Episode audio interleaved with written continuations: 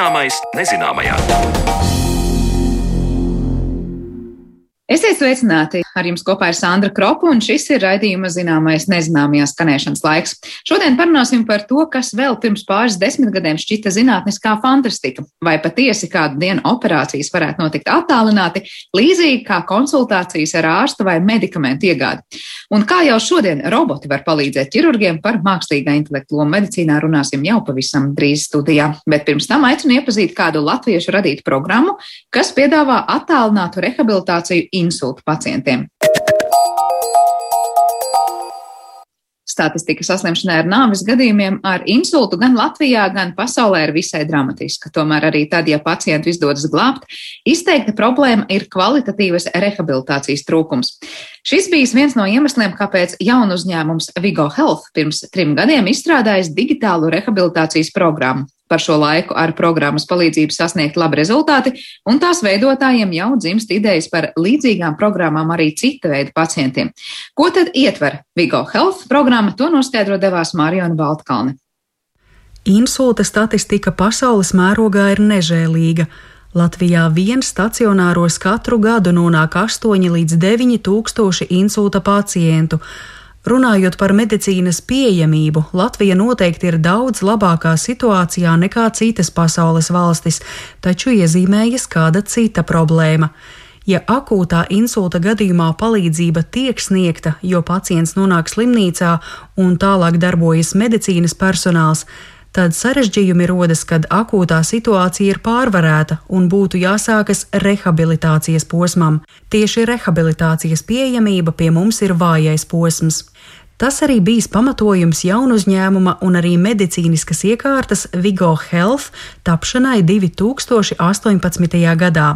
Uzņēmuma dibinātājs Kristaps Krafte problēmas insulta aprūpes organizācijā novērojis, studējot inovācijas veselības aprūpē.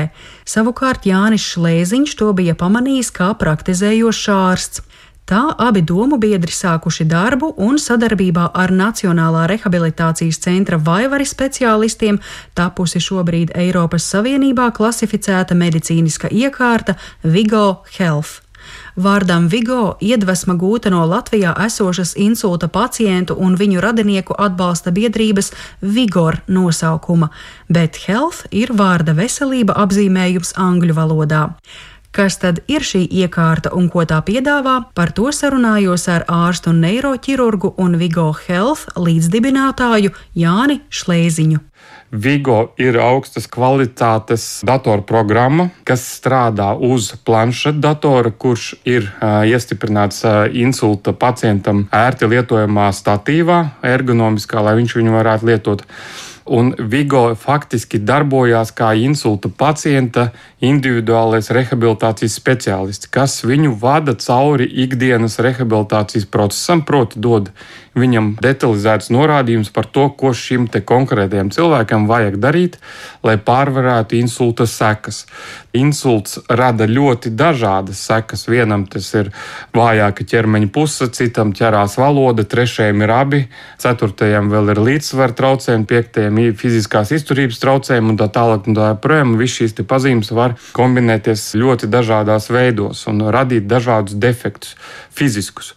Plus insults rada arī emocionāls defekts. Biežākie ir trauksme, depresija, motivācijas trūkums. Līdz ar to Vigo nodrošina šo rehabilitācijas programmu, kas ir individuāla šim konkrētajam pacienta defektam. Viņa nav tādas vispārīgas rekomendācijas veselībai. Ja? Bet eh, kāpēc mēs sākām runāt par medicīnas ierīci? Ja? To sauc par eh, angļuiski software as a medical device, tātad programmatūra kā medicīniski ierīci. Ar to netiek saprast fizisks aparāts, bet par medicīnu medicīniskām ierīcēm tagad jau pēdējos 5-7 gadus uzskata arī programmatūru. Ja? Tās sauc par digitālajām terapijām, jeb programmatūru kā medicīniska ierīce, ka pēc būtības tā ir medicīniska ierīce, tikai viņa nav fiziski sataustāma, bet viņa ir kā programmatūra, kas miedarbojoties ar pacientu, ved viņu uz izvesaļošanos, jeb vada viņa vesaļošanās procesu. Digitālā terapija faktiski ir digitālās zāles. Ja? Pēc būtības Vigo nav nekāda jauna brīnumaina ārstēšanas metode. Tas ir veids, kā automatizēt, digitalizēt jau esošas ārstniecības metodes. Veids, kā cilvēks saņem šo ārstēšanu, ir tas ir jauns. Kā skaidro Jānis Šlēziņš, tad ieguvēji no šādas digitālās terapijas ir vairāki. Pirmkārt, pacientiem rehabilitācija tiek padarīta tūlītēji pieejama. Terapiju var saņemt jebkurā Latvijas vietā un jebkurā laikā. Tas īpaši svarīgi tāpēc, ka lielajās Latvijas pilsētās rehabilitācija pacientam mājās ir pieejama, taču ārpus lielajām pilsētām šāds pakalpojums nereti nav pieejams speciālistu trūkuma dēļ. Otrakārt, ārsti var palīdzēt lielākam skaitam cilvēku ar tehnoloģijas palīdzību, nekā strādājot tikai viens pret vienu ar pacientu. Un treškārt, lai gan pagaidām pakalpojums vēl nav valsts apmaksāts, tad padarot to pilnībā valsts apmaksātu vai arī pieejamu tikai ar nelielu pacientu līdzmaksājumu, arī valsts būtu ieguvēja. Tā kā speciālistu darbs rada izmaksas, sabiedrībai būtu nodrošināts lētāks, pieejamāks un efektīvāks risinājums. Ar to visu es negribu pateikt, ka rehabilitācijas iestādes vai cilvēki kļūs lieki. Nebūtu nē. Tieši otrādi, viņu rokas pagarināsies, viņas spējas rehabilitēt cilvēkus, uzraudzīt lielāku cilvēku skaitu un panākt to rehabilitāciju ir lielāka. Nav mērķis aizvietot rehabilitāciju. Mūsu plāns ir integrēties tajā rehabilitācijas sistēmā, jo Vigo jau nav fizisks aparātiņš, kas ar rociņām cilvēku tur cilās un kustinās. Tas Vigo ir noteiktiem cilvēkiem piemērots cilvēkiem, kuri paši spēj miedarboties vai ar radinieku, tuvinieku palīdzību miedarboties darboties ar šo ierīci un paši ir motivēti strādāt. Ja? Tātad tādiem pacientiem, kur ir smagi guloši vai viņiem ir insulta rezultātā radušies tā saucamie kognitīvās funkcijas traucējumi, proti, viņi nu, palikuši nespējīgi saprast ja, to, ko planšeta datorā esošā programmatūra viņam kādas norādījumus sniedz tad tādi pacienti, protams, Vigo mm -hmm. nedara. Ja? Bet dara tie, kuri ir kā, tur pa vidu, nevis galēji sliktie, nu, varbūt galēji labiem vispār nevajag rehabilitāciju, bet tur pa vidu ir diezgan liela masa cilvēku, kuriem tas varētu darīt. Vai nu kā patstāvīga terapija, ka viņi tikai ar Vigo darbojas, vai arī kā papildus. Bet tagad tuvāk aplūkosim, ko digitālā rehabilitācijas programma ietver un redzams, ka tas ir papildinājums daudzu speciālistu darbam, tostarp emocionālā atbalsta sniegšanā pacientam. Mēs paši mīlam teikt, ka Vigo sastāv no trīs pamata sastāvdaļām. Ja? Viena ir funkcionālā terapija. Visas tās lietas, kas palīdz pacientam pārvarēt fizisko defektu. Ja? Tā, tā ir fizioterapija, ergoterapija, logopēdija, Tie ir vingrojumi, runas vingrinājumi. Jā, jā, jā vingrojumi, runas vingrinājumi. Pamatu, pamatos jā, šis vārds jau funkcionālā terapija ietver atjaunot cilvēka fizisko funkciju. Otra lielā grupa ir tie līdzekļi, ar ko mēs palīdzam pārvarēt pacientam emocionālos traucējumus. Tātad tur tiek pielietota kognitīva behaviorālā terapija, kas ir pēc būtības psihoterapijas viens no metodēm Eh, kas ir automatizējama vismaz daļēji un algoritmizējama. Tās ir sarunas. Pacients sarunājās eh, šajā gadījumā ar Vigo. Sarunu rezultātā Vigo palīdz viņam pārvarēt eh, viņa emocionālo problēmu. Šajā sadaļā iet iekšā arī citu pacientu pieredzes stāsti, dažādi informatīvi video par dažādām tēmām, ja, kas palīdz pacientam pārvarēt šīs lietas. Ja. Un trešā sadaļa ir informatīvais atbalsts, jeb izglītošana, kas ir gan pacienta izglītošana, gan viņa tuvinieku ģimenes izglītošana par un ap insultu dažādiem jautājumiem, ko darīt, lai nesaslimtu vēlreiz, kāds ir labāks uzturs kāda ir asinsspiediena ārstēšanas un mērīšanas nozīme, kur griezties pēc palīga līdzekļa. Ja? Tad, tad ir dažādi gan ar veselību saistīti, gan ar tīri sadzīviski padomi, kā labāk ar šo visu tikt galā un iegūt pēc iespējas labāku dzīvi. Bet es jau par to tehnisko pusi gribēju precizēt. Funkcionālo traucējumu atjaunošanai un izglītojošā virzienā es nojaušu, ka tur varētu būt runa par iepriekš sagatavotiem materiāliem, video materiāliem, prezentācijām, kur visa informācija ir skaidri pasniegta, kā jums ir jāvingro, kas jums ir jādara, kā tuvinieki var pacientu atbalstīt. Bet Kā ir šajā emocionālā atbalsta gadījumā, kā tieši cilvēks sazinās ar programmatūru un saņem to atbalstu, jo te nu šķiet, Kā programmatūra var aizstāt psihoterapeitu? Tas ir jau kaut kas diezgan jauns. Mēs nepretendējam, ka mēs aizstājam pilnībā psihoterapeitu. Nebūtu ne. Daudziem ir bijusi pieredze, pieņemsim, ar chatbotiem. Ja? ja es esmu bankā griezies, un tur ir chatbots pretī mājaslapā, un es ar chatbotu runāju, man rodas iespējas, ka es runāju ar cilvēku. Sveiki, ja tas, kā jums varam palīdzēt? Jā, ja? bet, bet tas chatbots ir tik ārkārtīgi dzīves un tik ļoti īsts, ka ir pilnīgi rodas priekšstats, ka tu runā ar cilvēku. Šis ir tas princips, ko mēs ejam. Tātad pacients miedarbojas ar šo vigo čata veidā, bet tā kā pacientiem ir funkcionāli traucējumi un nevienmēr viņi var rakstīt tad viņi var izvēlēties, pieņemsim, Vigo viņam kaut ko jautā, tad viņi var izvēlēties vienu no vairākām piedāvātām atbildēm, kas visvairāk ir viņiem piemērota. Nu, kaut vai banāli, ka Vigo viņam jautā, kā tu šodien jūties, un tu tur var izvēlēties labi, slikti vai viduvēji. Ja? Un tātad caur šīm sarunām, kuras pēc iespējas tiek pietuvinātas reālai pieredzei, tad arī tiek nodota šī terapija. Un, protams, tehnoloģijas attīstās. Mēs arī strādājam pie balss lai Vigo varētu sazināties un atpazīt balsi. Jā, tad Vigo varētu runāt ar pacientu. Viņš varētu saprast, ko runā pacients. Protams, ka tas ir ļoti sarežģīts uzdevums. Ir sevišķi tiem pacientiem, kuriem ir runas defekts, kuri nespēja pateikt, vai arī runā nesaprotami. Ja? Bet tas viss tiek attīstīts, un kaut kad mēs tur nonāksim. Šobrīd tādas funkcionalitātes vēl nav, bet pie tā tiek strādāts. Ja runājam par tehnisko pusi, tad pašlaik Vigo lietošanai būtu nepieciešams uzņēmuma Apple planšetdators un statīvs, taču notiek intensīvs darbs, lai jau pēc gada vai diviem programma būtu lietojama jebkādā viedierīcē. Turklāt, ja par Vigo interese jau ir šobrīd, taču nepieciešamās tehnikas nav, tehniku iespējams iznomāt kopā ar Vigo programmu, ko pacientam nogādās kurjers. Bet Jānim Šlēziņam vēl jautāju, kurš pieņem lēmumu, vai pacientam Vigo būtu nepieciešams. Tas process ir sekojuši. Pacients piesakās Vigo lietošanai, un tad eh, kāds no mums ar pacientu sazinās ar mērķi noskaidrot pacienta situāciju, tieši viņa to stāvokli, kāds ir pēc insulta, lai atbildētu uz jautājumu, vai Vigo viņam var palīdzēt. Tad, tad pamatu pamatos mums jānoskaidro, vai pacients, vai viņam ir vispār problēma un vai viņš var miedarboties ar planšetdatoru patstāvīgi vai ar tuvinieku palīdzību, lai mājas apstākļos uzlabotu savu veselību.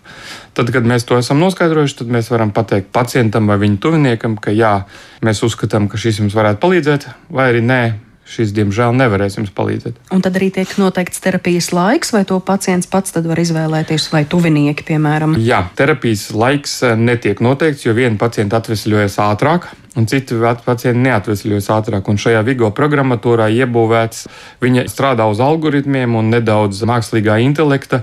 Viņa adaptējās automātiski pacienta progresam. Tātad, ja pacients strādā ar šo programmu, viņam paliek ar vien labāk, tā programma viņam sāk dot ar vien sarežģītāks un sarežģītāks uzdevumus lai viņu turētu visu laiku tādā izaicinošā situācijā, ka viņam vingrinājuma pildīšana ir kaut kādā ziņā izaicinājums sasniegt labākus rezultātus.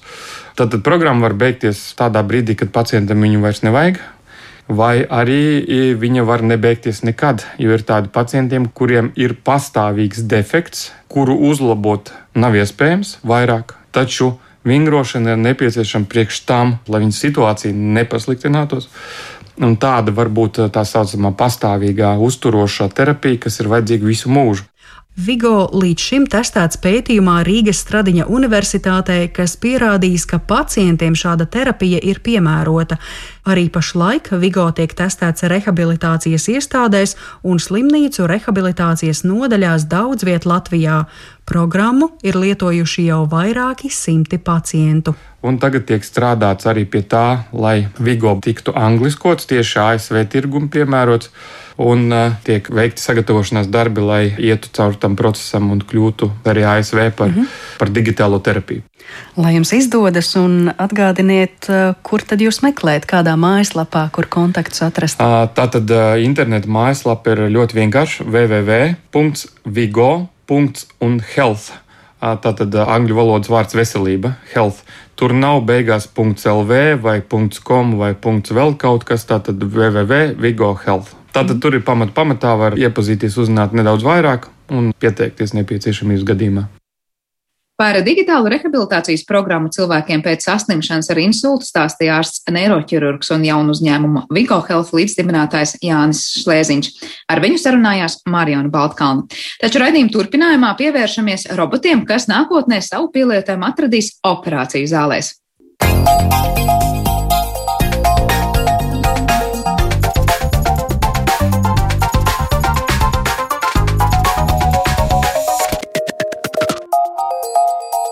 Zināmais nezināmajā.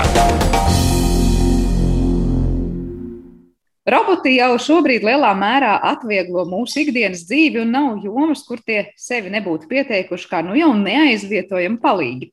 Arī medicīna iegūta daudz no robotizētām tehnoloģijām, lai gan šobrīd ideja par robotu, kas veic ķirurģisko procedūru, šķiet vai kā zinātniskā fantastika. Vai nākotnē tiešām ārstu rokas varēs aizstāt roboti un kādi ir ieguvumi un iespējamie riski no robotiem operāciju zālēs? Par to šodien mēs runāsim turpmākajās minūtēs ar mūsu viesiem. Latvijas Universitātes medicīnas fakultātes dekānu profesoru Valdu Folkmanu. Labdien! Labdien!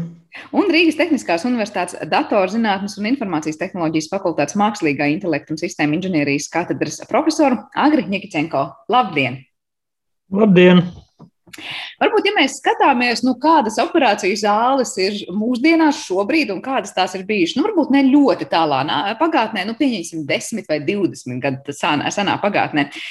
Kā ir šobrīd, mēs varam teikt, tur jau ir notikušas ļoti liels pārmaiņas un patiesībā robotizētās tehnoloģijas tur sevi jau ir kārtīgi pieteikušas, vai tomēr mēs par robotiem operāciju zālēs vairāk runājam nākotnes perspektīvā. Valda, varbūt sākšu ar jums un tad agrimdošu vārdu. Jā. Jāsaka tā, ka jau šobrīd robots spēj veikt uh, diezgan daudz operāciju. Visas tās operācijas, kuras ir iespējams veikt laparoskopiski, plus vēl arī citas sarežģītās operācijas. Nu, tās operācijas, kur ir nepieciešamas precīzas kustības un ir ierobežota telpa. Nu, uh, tas labums ir tas, ka operācijas, uh, kuras veids roboti, tiek faktiski veiktas minimāli invazīvi, izmantojot nevis liels grieziens, bet tādus mazus griezienus un caur maziem caurumiem. Bet nu, jāsaka, ka pagaidām robots ir vēl tikai palīgs, cilvēku komandu izpildītājs.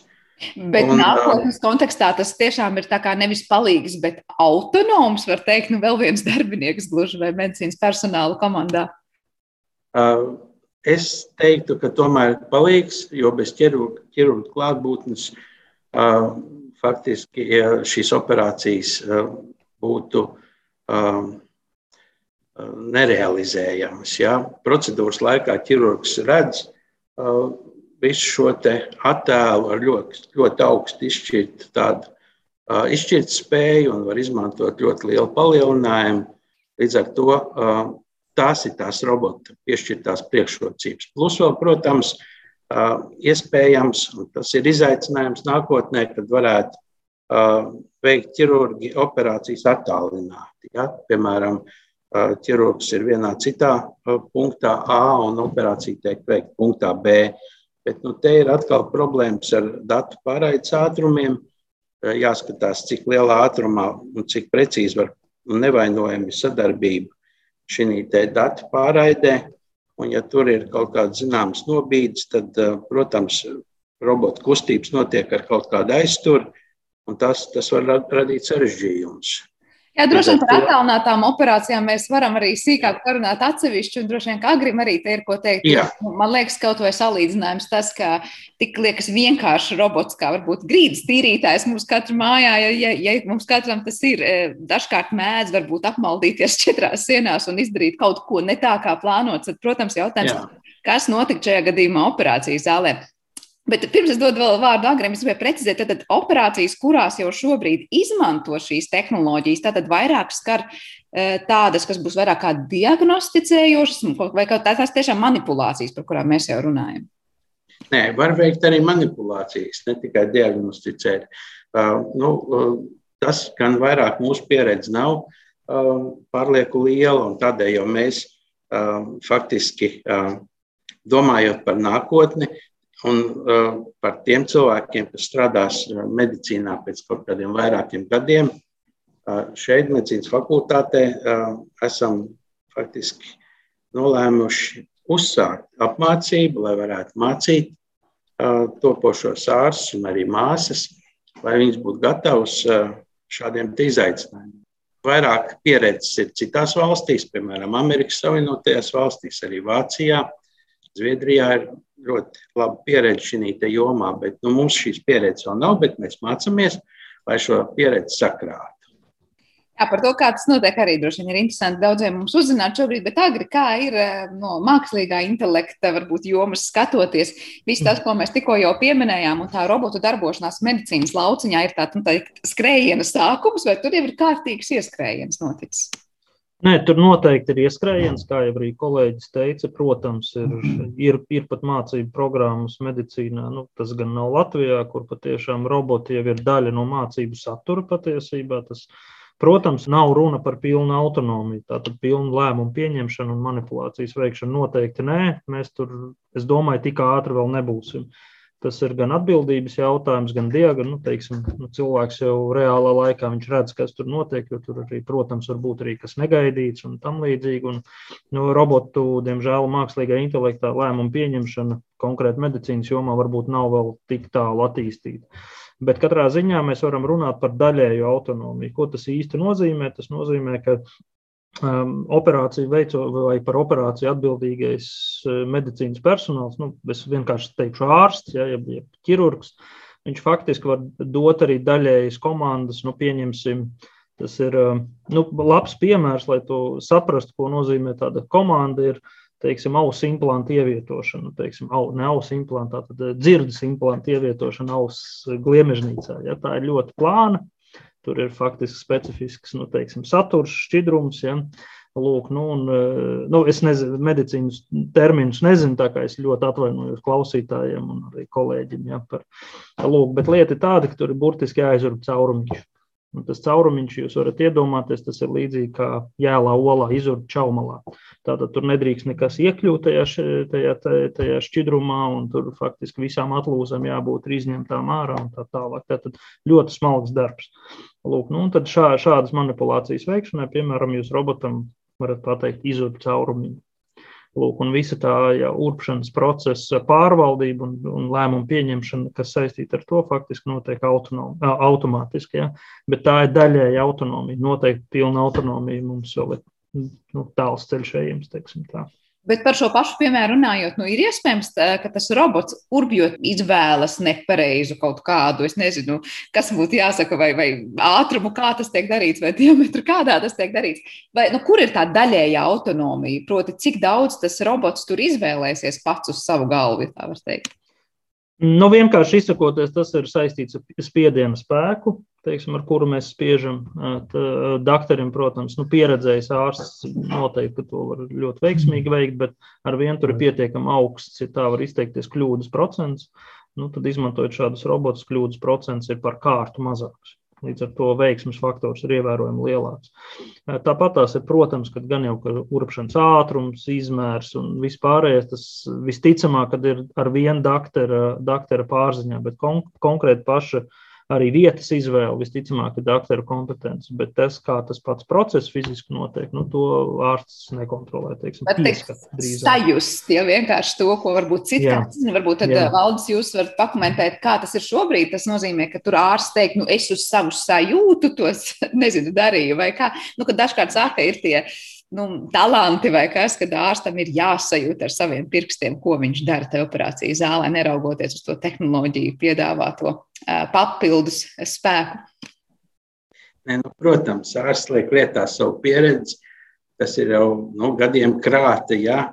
Un te varbūt arī ir tas, ka ir cilvēks uh, ar zelta rokām, ja? kas var, var tiešām ļoti labi visu to realizēt. Protams, Ļoti jauki jau arī kolēģis teica, ka ir arī nu, varbūt ārsts, kam mazāk pieredze un kam tiešām varbūt šāds te robots ar tādu daļēju autonomijas darba režīmu varētu būt ļoti noderīgs. Jā. Tad jautājums, kādu pieredzi vēlāk ārsti uzkrās, kas, pieņemsim, pārsvarā ir strādājuši ar robotizētiem palīgiem, vai viņiem būs tā sajūta, kā saka, nu, tās zelta rokas lika lietā? Nu jā, tas labs jautājums ir. Jo, redziet, vienmēr jau ir kaut kāda nu, iespēja izvēlēties. Ja? Un, ja teiksim, mēs domājam, kas varētu būt medicīna aktuāls pēc kādiem pieciem, nu, desmit gadiem, tad skaidrs, ka mācot students mums par šīm tēmām vajag aizdomāties. Un par tām aizdomājoties, faktiski nākās, nākās domāt tieši nu, inovatīvi. Ja? Inovatīvi, mēģinot rast iespējas mm, meklēt jaunus risinājumus, jaunas tādas nu, teiksim, iespējas, lai pacientiem uzlabotu dzīves kvalitāti, ja tā var teikt. Nu, ir jau arī patreiz ļoti veiksmīgi šīs lietas tiek nu, risināts. Jā. Ir cilvēki, kas ļoti labi operē. Un, un skaidrs, ka tajā mirklī ir zināms arī pretruns, vai tur kaut ko ir jāmaina vai nav jāmaina. Iezīmējas tāda tā kā klusa revolūcija. Ja? kur faktiski no vienas puses barikādēm ir cilvēki, kas labprāt turpinātu operēt un darīt tā, kā viņi jau līdz šim to dara. No otrā pusē, protams, ir tie, kas varbūt domātu, mēģināt ko jaunu, meklēt kaut ko vēl tādu, kas ir savā ziņā izaicinājums. Nu, kur ir, kur ir barikādas, tur vienmēr ir divas taisnības. Un, taisnība gan vienā, gan otrā pusē. Tā kā, uh, tās ir lietas, kas faktiski nu, uh, ir ārkārtīgi izaicinošas un interesantas. Un ne jau vēl savā laikā uh, profesors uh, Pauls Stradiņš teica, ka medicīna reizē ir amats, zinātne un māksla. Tad faktiski katrā no šīm komponentēm ir jāmeklē kaut kāds izaicinājums. Un, uh, faktiski tas ir arī tas, kas padara medicīnu par ārkārtīgi interesantu jomu. Bet tas, ko jūs minējāt, ir savas barikādas divas puses, tad sanāk tā, ka tie argumenti par un pret vairāk ir attiecināms to, ko cilvēki uzskata, ka tas ir pārāk liels vai risks, vai tur atkal pazudīs tā medicīnas mākslas komponente, vai tur savukārt atkal ir cilvēku vienkārši nu, bailes vai nevēlēšanās apgūt ko jaunu. Kāds, jo tā ir patiesībā nu, milzīga revolūcija arī pašu ārstu droši vien ikdienā. Nu, jā, nē, nu, nedomājiet, ka tā ir tādā veidā uh, revolūcija, kādu mēs to izprotam, piemēram, redzot Delacroix gleznu, ja tur brīvība ved tautu vai, piemēram, nu, faktiski, kur ir šis brīvības tēls, ja, viņš ir ļoti pazīstams. Tā jau nav tāda veida revolūcija, tā ir klusa, faktiski intelektuāla revolūcija, kur būtībā šie jaunie risinājumi, sakrājot noteikti jau daudzumu, protams, pārvēršas jau kvantitāte pāriet uz jaunu kvalitāti. Nu, un, uh, mēs arī uh, fakultātē mēs tais, izveidojām tādu, nu, faktiski pat konferenci, ja tā var teikt, uh, viena pasaule, viena veselība, kur mēģinājām apkopot pagājušā gada nogalē tādu uh, visu to inovatīvo, kas varētu būt tieši saistīts ar precīzijas medicīnu. Ja? Tāda medicīna, kas uh, nu, ņem vērā gan gēnu, gan vidas, gan dzīvesveida individuālās atšķirības, un kas var dot atkal pilnīgi jaunas iespējas mūsu pacientiem. Nu, un, no šī viedokļa ņemot, protams, ka jāiet uz priekšu un jāskrien ir faktiski. Varbūt atcerieties tāds darbs, ko savā laikā Luis Karols rakstīja Alisē brīnumzemē. Tur bija tāda literārā varona sarkanā karaliene, kas teica, ka jāskrien cik spēj, lai tikai paliktu uz vietas, bet, lai kaut kur nokļūtu, vajag skriet vismaz divreiz ātrāk. Nu, mēs arī cenšamies skriet vismaz divreiz ātrāk, jo cenšamies sasniegt atkal jaunas iespējas gan mūsu studentiem, gan arī nu, principā, pacientiem. Agri par šo skriešanu divreiz ātrāk, vai tas nozīmē, ka mākslīgā intelekta speciālisti, nu, sauksim to tā, šobrīd būs ļoti, ļoti cieši saistīti ar jebkuru mediķu tālāku izglītību? Proti, kā šīs divas jomas nu, caurvīs vienu otru arī tuvākā nākotnē, cik ļoti patiesībā tiem, kas saprot, kā darbojas roboti, būs jābūt blakus tiem, kas ar tiem strādās? Nu, es Pirms es atbildu uz šo, es vēlētos mazliet sniegt kādu komentāru par iepriekš teikto. Uh, Tur pa tām barikādēm tā ir taisnība. Protams, ka tas ir eh, runa par sabiedrības nu, teiksim, gatavību uzņemt šīs tehnoloģijas, uzticēšanos. Un, protams, ka nav jau tā līdzīgi kā ar automašīnu ienākšanu ikdienā. Protams, ka tur ir vēl nu, daudz lietas, gan tehnoloģiskas, regulējumu un visādas citas sabiedrības transformācijas lietas, kas mums ir jā, jāpieredz.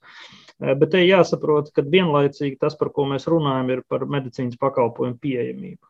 Tas nozīmē, ka, diemžēl, vai par laimi, grūti pateikt, tas konkrēti manipulāciju veicošais ar zelta rokām apveltītais ārsts, viņš ir iespējams viens, divi vai trīs. Tomēr potenciāli, ja mēs pieņemam, ka kādā laika sprīdī roboti būs pietiekami attīstīti, lai vismaz lielāko daļu lēmumu pieņemtu eh, patstāvīgi, nu, tas nozīmē, ka ārsts drīzāk ir kā attālināts uzraugs, vai, vai nu, es negribu lietot vārdu operators, nu, tik tālu es negribētu nonevelēt šo personu konkrētu nu, lomu. Ja, bet katrā ziņā līdz ar to šī manipulācija kļūst pieejama arī tur, kur ārsta šobrīd nav. Nu, tas nozīmē attālākos nostūros, arī tāpatās Latvijā, pieņemsim, kur šī problēma neapšaubām arī eksistē. Lūk, tā ir viena lieta. Otra lieta, tas ir arī medicīnas pakalpojumu izmaksu jautājums uzreiz. Tas nozīmē, ka mēs viņus potenciāli varētu samazināt, nu, un vienlaicīgi tātad iespējams uzlabojot arī e, to pieejamību un kvalitāti.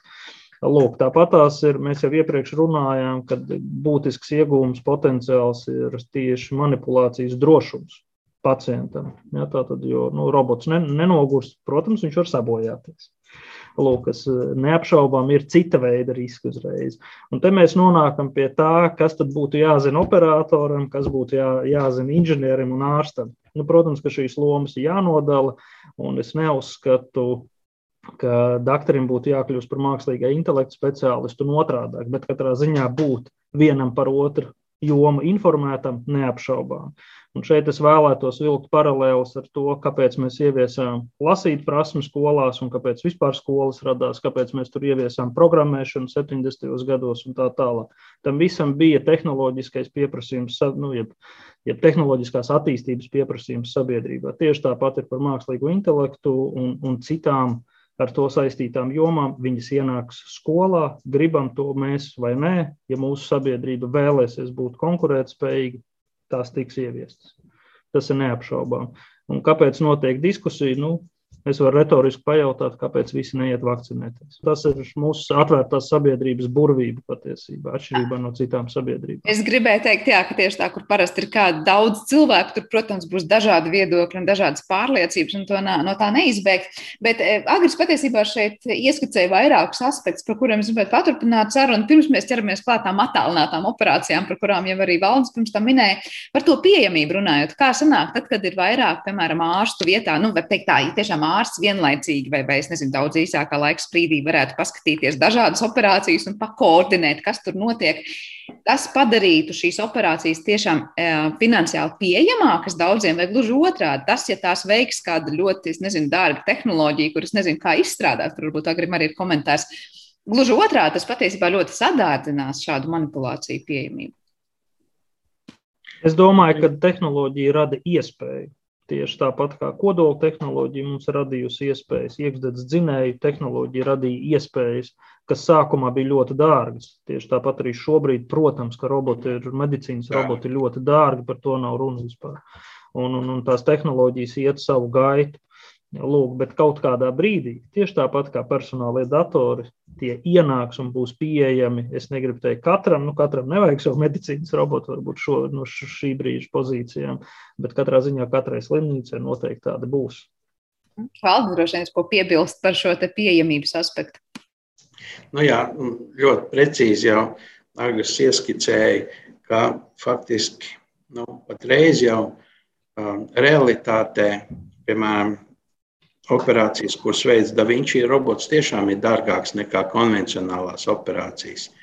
Bet nākotniski domājot, es, es pieļauju iespēju un domāju, ka tā tas varētu būt, ka viņas tiešām izlīdzināsies un ka kļūs arī no pie, pieejamības viedokļa šīs robota asistētās operācijas nu, pieejamas. Jo, nu, protams, tas atkal aktualizēs jaunu tādu, kā teikt, rūpju loku. Ja?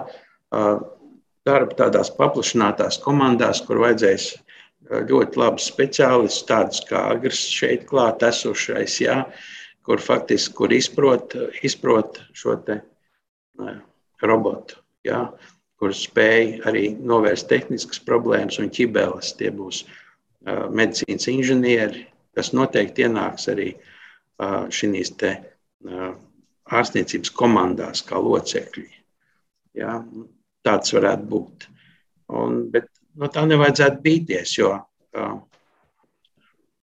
Nu, tas ir tas, kas tieši tā, visi sākuma sākumā ir bijuši biedējoši, pēc tam liekas pašsaprotam, un liekas, tā mēs tas, tas, tā varējām. Tas kļūst par pašsaprotam, un to mēs arī mūsu studentiem um, gribam arī nu, tā iemācīt. Mums izdevies ar vienu no tādām vācu robotu klīnikām noslēgt līgumu universitātei, kur varētu arī viņu speciālisti mums mācīt, un arī mums būtu iespējas redzēt, kā tas viss notiek. Un studentiem, es domāju, konfrontējoties ar šādu iespēju, saskaroties un arī apmācībā saņemot šo te gan teorētisko, gan arī praktisko zināšanu bagāžu, būs daudz, daudz lielāka motivācija arī nākotniski šīs te jaunās tehnoloģijas ieviest. Jūs tikko pieminējāt Da Vinci robotu. Varbūt mēs varam pastāstīt klausītājiem, atgādināt, vai kādam vienkārši izstāstīt, kā tas izskatās un ko tieši tas veids. Es saprotu, tas ir robots, kas veic sīkus, sīkus iegriezumus un, var teikt, tieši ir ar savu precizitāti un neinvazivitāti sevi pieteicis. Jā, tas ir uh, interesants robots, kurš faktiski pa maziem, mazām atverēm, maziem saka, griezumiem, ir maziem caurumiņiem ievada ievada savas kājas. Tur var vienu no šīm kājām parādīt, un šeit viņi ir. Jā, tur faktiski. Šobrīd varbūt mums nedaudz jāraksturo tiem, kas mūs neredz. Jā. Kāpēc? Cik liela tā tur ir? Tur, tur kājas neliela, jūs jau redzēt dažus, dažus milimetrus. Un uh, kustinot, var redzēt, kā kājas galā kustinās šī te uh, roka, ja, kas var asinsvadu saspiest, ja beigt šūnu, tā tālāk, tā joprojām. Nu, un ar šādām te tehnoloģijām um, ķirurgs vada to līdzīgi kā Playstation vada, ja? Un um, principā nav viņam jāievieto savas rokas operācijas brūcē, kas, protams, atvieglina ļoti ievērojami atvieglina uh, invazivitāti. Tad ir faktiski ārkārtīgi mazs griezums, ļoti liela palielināšanas spēja. Ar lielu palielinājumu var operēt labi apgaismotā vidē, un tā tad neievainot visas tās, nu, kā lai saka, audu struktūras, kuras bez šīs te tehnoloģijas ir, nu, kā teikt, lai neievainot, vajadzētu, vajag milzīgu pieredzi ķirurgam un, un iespējams arī nevienmēr tas izdodas arī ar visu pieredzi. Jo, redziet, cilvēki jau ļoti ir individuāli atšķirīgi. Arī anatomija ir stipri atšķirīga cilvēkiem. Jā, teiksim, nav tik vienkārši. Un šis te tehnoloģiskais risinājums atvieglo to iespēju izvairīties no šīm pēcoperācijas dažādām, nu, kā teikt, komplikācijām. Es tieši gribēju vaicāt, tas nozīmē mazāk, pēc tam varbūt arī nu, ne, ne tikai mazāk rēta iespējams, bet arī labāks atlapšanas laiks un varbūt mazāks Protams. iespējas uh, dabūt kādas citas infekcijas vai ko citu. Uh, Agnes, vai gribēs kaut ko piebilst pie Davinčī robota stāstot? Kā... O, nē, nē, es, es priecājos, ka tāds eksistē un jā, man ir prieks, ka šī kāja jau ir apritē mūsu studentiem, tā kā visi kārtībā. tā nozīmē, ja mēs runājam vispār kopumā, es nezinu, nu, pasaules tendencēs, vai kā šie medicīnas roboti vairāk būs tādi vizuāli. Es nezinu, nu, pusi aizņems te vai kā no operācijas zāles, vai tas būs kaut kas ļoti, ļoti maziņš un tiešām varbūt tur dažus milimetrus uh, lielu roku vai kaut kādu plānu kāju. Kā, kā tie pārsvarā izskatīsies? Es domāju, ka līdzīgi kā citās eh, jomās, citās industrijās, roboti ir dažādi. Un arī medicīnā, protams, ka tie būs dažādi. Būs liela kāda viņš ir robots, būs bišķi mazāk. Es esmu redzējis arī bišķi mazākus. Atkarīgs no manipulācijas. Protams, ka sākumā mēs eh, būvēsim viņus specializētus stipri, pēc tam jau atradīsies kopīgas likumsakarības, tad jau mēs varēsim viņus būvēt mazākus, bet universālākus. Nu, kā jau tehnoloģiskās attīstības tendences lielā mērā ir stipri līdzīgas. Tendences tiešām atpazīsim. Par tām attālinātām operācijām runājot, gribēju jums vaicāt, eh, cik tālu tās ir šobrīd un kur šobrīd ir tie lielākie riski. Nu, nezinu, tādam cilvēkam no malas varbūt var likties, nu, kas notiks, ja pēkšņi kaut kāds datu apjoms, nezinu, sekundi par vēlu kaut kur nonāks, un es nezinu, ārsts, kurš pieskatīs operāciju vienā kontinentā, piemēram, nu, nezinu, kaut kādu kļūdainu lēmumu pieņems uh, tikai tāpēc, ka bijis kaut kāda aiztur, tīri tehnoloģiski. Vai tas šobrīd ir tas lielākais rūpju līdzekļu avots, vai, vai kā jūs to raksturot? Valde, sākšu ar jums.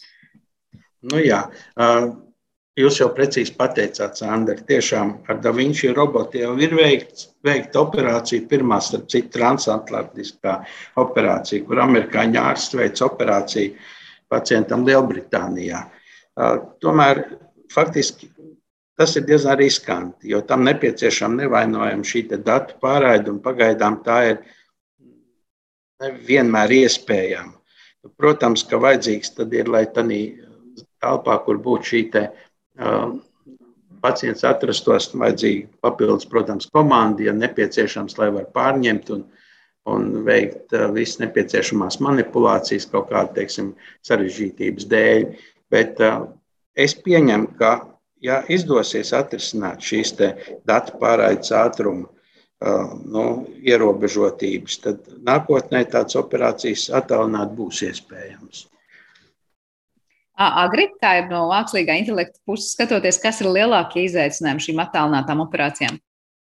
Nu, es gribētu teikt, ka datu pārraide pati par sevi, nu, tātad, nu, pārraides kanāla pārtrūkums varbūt ir, protams, neapšaubāmi kritiski, bet varbūt ne tik bieža. Bet tas, kas ir saistīts ar datu kvalitāti, tādā izpratnē, kad ir pārraides pats ātrums, lai nav aizturas, eh, pilnīgi noteikti. Jo, nu, kā jau arī profesors teica, nu, jūs varat iedomāties, ka noteikti jūs sakat, griez, un viņš un tad nogrieza vai nenogrieza, kas tad notika. Ja? Un paiet dažas sekundes, un tad jūs ieraugat rezultātu, un tur iespējams viss ļoti slikti jau.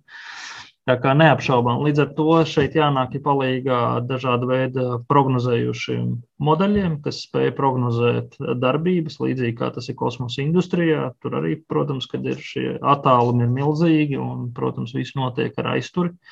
Un līdz ar to pamatā to risina ar, ar, ar, ar modeļiem. Nu, Tātad imitācijas modeļiem vai kādiem citiem modeļiem, kas ļauj nu, faktiski vai nu izdarīt kaut ko, vai tieši otrādi darbību neveikt, ja tur ir kāda potenciāla bīstamība. Lūk, es domāju, ka tas noteikti varētu būt risinājums. Nu, vismaz viens no risinājumiem. Cik mēs esam tur tālu, man tiešām ir grūti atbildēt, jo tā nav mana pētnieciskā joma. Vienīgais, es varu nu, ar pilnu atbildību teikt, jā, tele tele, tāda medicīna, teleoperāciju veikšana ir šobrīd dienas kārtībā, pilnīgi noteikti. Un to praktiski visas lielās Eiropas, un arī Amerikas un Japānas universitātes veids pētījumus šajā, šajā jomā un arī izstrādes. Jā. Tad, klausoties, man liekas, ja mēs runājam tādās līdzībās, problēma ir ne tik daudz, varbūt, un izaicinājums, kā, nu, nezinu, radīt arvien labākus, nu, teiksim, tā tās robota rokas vai kājas, bet problēmas ir arvien labākas, radīt šīs, nu, robota smadzenes, ja mēs salīdzinātu ar cilvēku, proti, kaut kāds signālu saņemšanas ātrums, apstrādes ātrums, daudzums, vai to var vispār savilkt kaut kādās līdzībās ar to, ja robots būtu cilvēks, tad mm. viņam šobrīd būtu vislielākie uzlabojumi vēl veicami? Tā ir robotikas varbūt jomas īpatnība, ka tur, ja tā var teikt, sāls slēpjas spējā integrēt visas lietas. Teiksim, ja mēs lūkojamies uz vienkārši uz mākslīgā intelekta programmatūras sistēmām, tad tur ir salīdzinoši, nu, es gribētu teikt, salīdzinoši vieglāk pateikt, kas tad ir tas kritiskais punkts. Tad robotikā tas tā nav. Jo, ja jums ir nu, vienkārši izsakoties tās rociņas, kājiņas ir e, švakas vai nav piemērotas konkrētam uzdevumam, lai kādas būs smadzenes, nu, robots kustēsies tā, kā viņš fiziski to var izdarīt. Un arī otrādi, lai kāda jums būtu tā čaula, tehniskā, ja smadzenes un vadības algoritmi nebūs atbilstoši, vai, vai processors nebūs pietiekami jaudīgs, vai kā savādāk, nu, tad arī nekas nenotiks. Tātad tur ir tā spēja visu integrēt. Un datu kanāls, un datu kanāla drošība un, un, un kvalitāte un tam līdzīgi neapšaubām arī ir, ir nu, būtisku lomu spēlē. Tāpat tās arī, ko profesors iepriekš minēja par spēju palielinājumā redzēt. Nu, mūsdienās arī strādā arī tāpat Latvijā patiesībā, strādā pie risinājumiem, kas ļautu ar papildinātās realitātes starpniecību redzēt telpiski nu, to nezinu, manipulācijas objektu, nosauksim to tā, ja kaut kāda vai nu tā būtu ķermeņa daļa vai kāda īpašā vieta, ar ko notiek manipulācija. Lūk, un tas, protams, arī ir saistīts pat ļoti nelielā attālumā ar milzīgu datu apjomu, kas ir jāpārsūta, jāapstrādā uzreiz, jāvizualizē, un tas ir, tie, ir, tie tiešām ir izaicinājumi. Ar to tur nav tikai tehniski izaicinājumi, tur ir arī pietiekami nu, teiksim, tādi jā, konceptuāli izaicinājumi. jā, Valdē, jums būs kas piebilstams pie tikko jau minētā. Nu, faktiski Kāgnis ļoti precīzi norezumēja visu. Nu, es gribētu varbūt vēl piebilst vienu lietu, ka nu, redziet, ārstiem jau ir tā, ka pacienti ir pirmā vietā. Nu, tas ir tāds nerakstīts likums. Nu, no šī viedokļa runājot, arī mūsu studentu apmācībā, arī tiem no mums, kas ir iesaistīti studentu apmācībā, tik un tā pacienti ir pirmā vietā. Līdz ar to mēs domājam arī par to, kāds būs tas pacienta liktenis, un īpaši svarīgi ir pēcoperācijas perioda dzīves kvalitāte. Nu, ja mēs varam šo kvalitāti uzlabot, samazinot dažādas komplikācijas un šos varbūt da, da, dažkārt pat pateicoties šim lielajam palielinājumam un labajam apgaismojumam, mēs varam nesatraumējot ļoti svarīgas anatomiskas substances, var teikt, struktūras, ja, nesatraumējot, mēs varam iztikt bez nu, komplikācijām. Līdz ar to tas ir tas, kas kādēļ ir vērts to darīt. Ja? Ne tikai tas ir interesanti un tas ir aizraujoši, bet tas nav pašmērķis. Pašmērķis ir pacienta dzīves kvalitāte. Tas, ko jūs jau sarunas gaitā minējāt, gan par pieejamību ir stāsts, gan par neinvazivitāti, gan par mazāku brūču nodarīšanu un daudz ko citu. Eh, bet eh, noslēdzot šo sarunu pavisam īsi, es saprotu tā, ka parasti mēs pie šīm diskusijām dzirdam aspektus par to, kurš uzņemsies atbildību, ja kaut kas noies greizi operācijā, kurā piedalīsies tas robots. Tad jau sanāk tā, ka patiesībā tik un tā lēmumus jau beig beigās pieņem tas ārsts, un mums nebūtu pamata šobrīd teikt, ka mums ir nesakārtota joma, kas kā notiks tieši saistībā ar medicīnas robotiem šajā kontekstā. Es nezinu, varbūt tagad tu piebilst kaut ko, ka tā gluži nav vai tā gluži ir. Nu, Pirmkārt, tas ir regulējuma jautājums, tas ir viens. Un otrs ir jāsaprot, ka regulējums bieži vien nav tikai juridiska rakstura dokuments. Tas arī atspoguļo sabiedrības vērtības, tikumus un arī netikumus. Lūk, līdz ar to tas ir cieši saistīts ar sabiedrības kā vienota veseluma, nu, teiksim, tā tehnoloģijas uztveri un tehnoloģijas pieņemšanas līmeni, ja tā var izteikties. Lūk, līdz ar to šeit ir abas divas lietas vienlaicīgi. E, juridiski mēs to, protams, varam vienkārši sakārtot. Ja ārsts par visu ir atbildīgs, re, kur ir sarkanā poga, ja kas nospied viss kārtībā. Un ārsts pateiks, zini, ko, paldies, es to neizmantošu.